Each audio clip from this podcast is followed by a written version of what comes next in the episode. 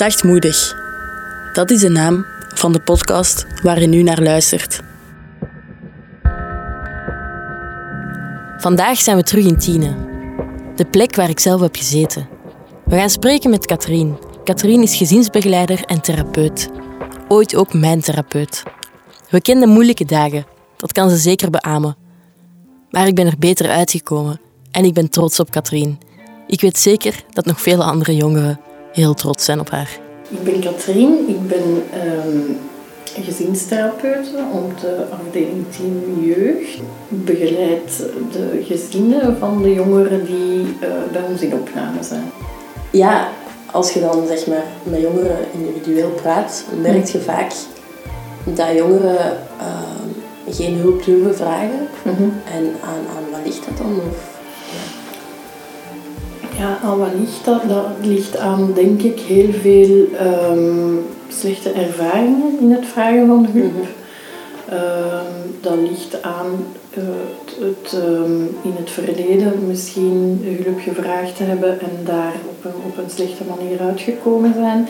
Dat ligt ook aan uh, ja, soms traumatische ervaringen die jongeren meemaken, waardoor ze eigenlijk uh, ja. beslissen van uh, ik, ik, vraag geen hulp. Eigenlijk merk ik bij heel veel jongeren dat er een, een uh, of het vertrouwen in de grote mensen eigenlijk wel weg is. Dat jongeren voelen van, ja maar die grote mensen die, die, die zijn eigenlijk niet te vertrouwen en hoe kan ik dan hulp vragen als ik niet weet of het wel oké is om hulp te vragen. Also, dat is iets wat je bij heel veel jongeren wel merkt.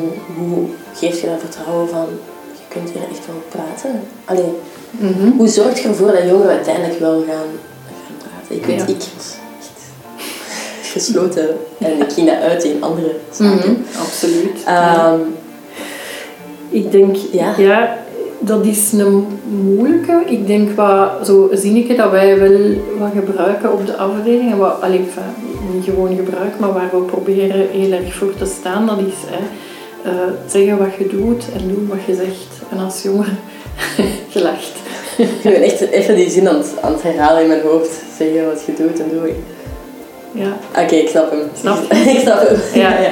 Eigenlijk zit het erin van dat, dat jongeren terug wel moeten voelen van oké, okay, het, is hier, het is hier te vertrouwen. Die mensen leggen mij uit wat dat ze doen en die doen dat dan ook. Hè. Ja. Uh, omdat veel jongeren net in, in vorige ervaringen voelen van ja, iedereen is van alles aan het zeggen, maar eigenlijk doen ze dan iets anders of, ja. of houden ze zich niet aan hun woord. En, en dat is een heel belangrijke. Hè.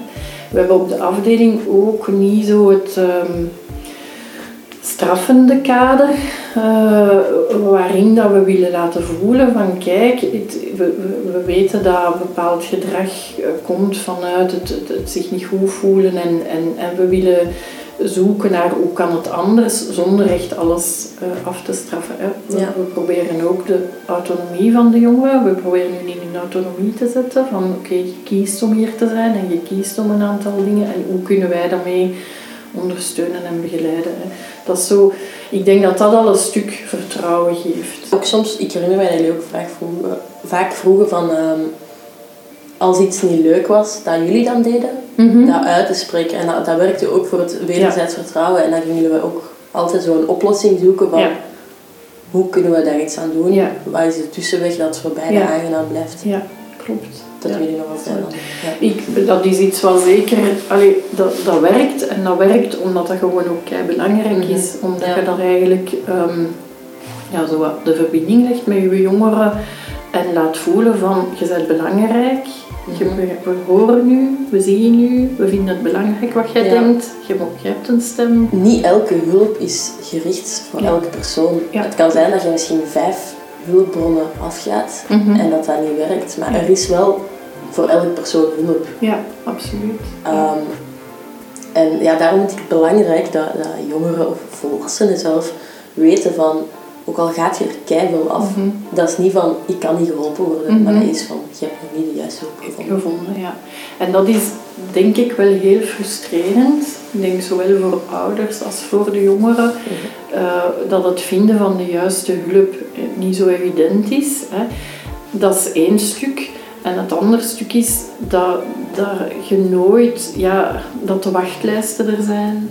En dat je vaak ehm, ja, te horen krijgt van ja, het kan niet nu, hè, waardoor situaties soms escaleren. Ik denk dat we altijd heel erg proberen te zoeken hè, van wat, wat zou kunnen uh, betekenen dat iemand wel kan komen. Dat is, dat is ook echt een moeilijke leeftijd. Hè. Ik heb dat toen ook zelf Allee, ik mocht niet bij de volwassenen, maar ik mocht ook, allee, ik werd soms ook vaak geweigerd bij de jongeren. En dan, ja, waar kan ik terecht? Ik voelde me op dat moment echt, ik weet dat dat toen niet aan mij lag, maar ik dacht echt van, die, niemand wil mij. Niemand wil mij.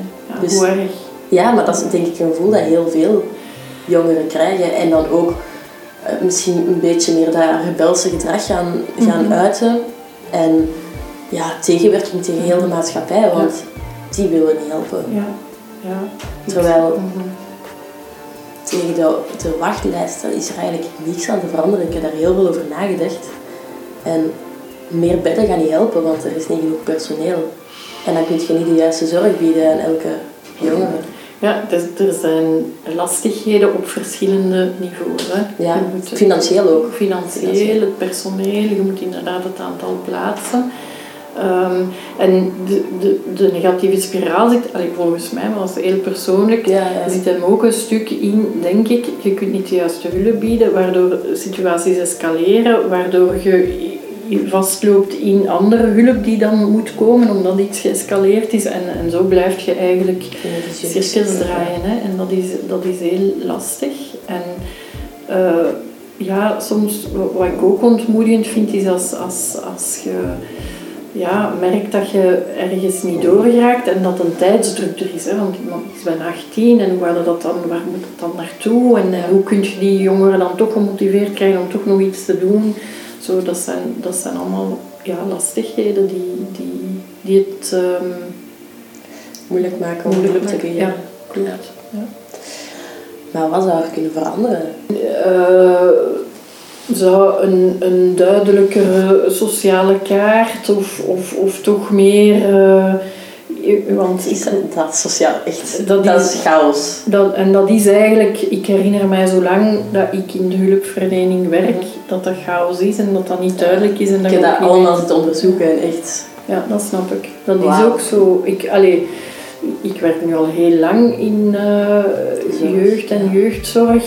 En ik heb nog altijd geen idee van wat. En ik vind ook zo, er zijn dan hervormingen, hè, bijvoorbeeld het Comité Bijzondere Jeugdzorg is. Dat, dat orgaan bestaat eigenlijk niet meer, dat is dan ondersteuningscentrum jongeren, jeugdzorg geworden.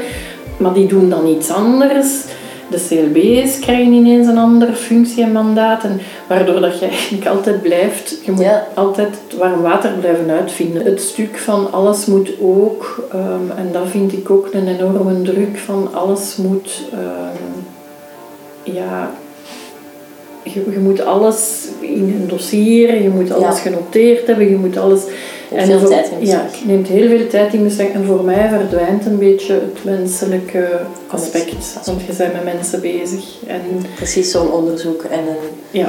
Ja, alsof je een kunstwerk aan het beschrijven bent. Of zo. Ja. ja.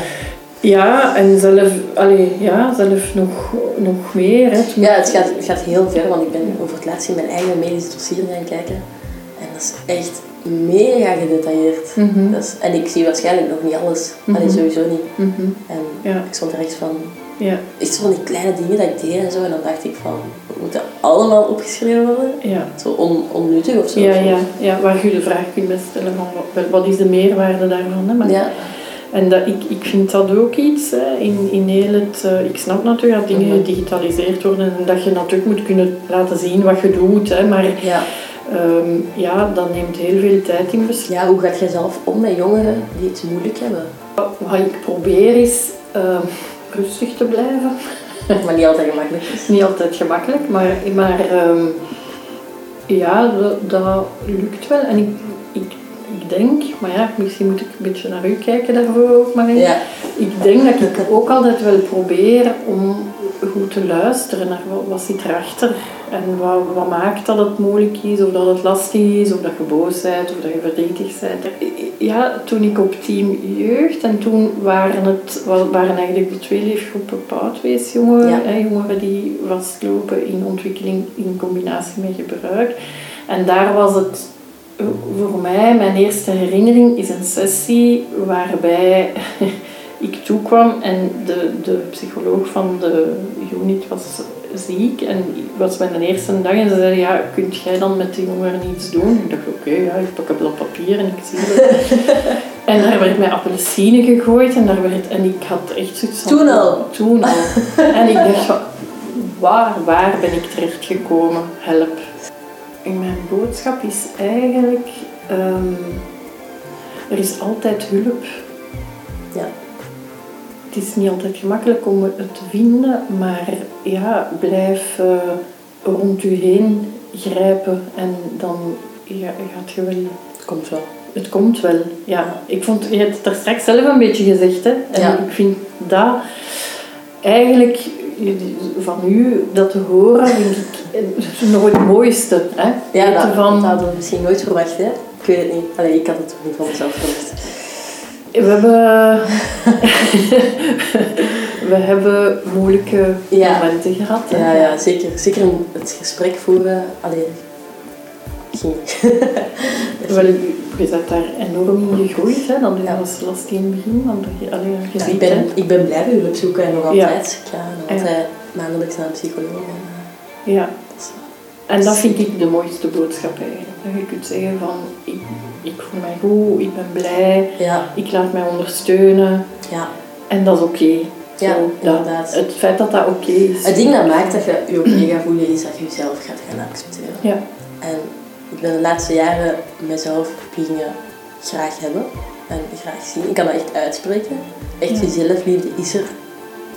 Ja, natuurlijk heb ik ook onzekerheden en zo, mm sowieso. Mm maar dat maakt wel dat ik sterker in het leven sta. Zo, denk aan Marie, dan zie ik uh, u op je bed zitten met uw laken Dat is een beeld dat, dat bij mij ook komt. Ja. En dat, dat is iets wat ik mij wel uh, bij u herinner. Uh, zo van gaan van de laken over uw hoofd naar oké, ik, ik zit mee in een gesprek, ik blijf zitten. Dat was in het begin ook niet zo dat, dat Ja, nee. En ik probeer toch te spreken. Zo, hè? dat is mhm. zo. Soms wel het gewoon ja, nee, maar ja. het was al iets. Ja, ja, ja. Maar ik, allee, als ik u nu zo zie en ik zie u lachen, en die, dat, dat is wel een verschil met toen geen opname waren. Ja, zeker. dat je heel weinig lachte. Zo. Ja, of gewoon ik lachte als het eigenlijk moest dingen weglachen. Zo. Dan ja, of zo, als ik iets uitstak of zo, dan lachte ik jullie misschien gewoon uit. Alleen, niet slecht bedoeld, maar... Mhm. Ja. Ja. Dingen weglachen. Heel herkenbaar. En soms misschien zelf nog.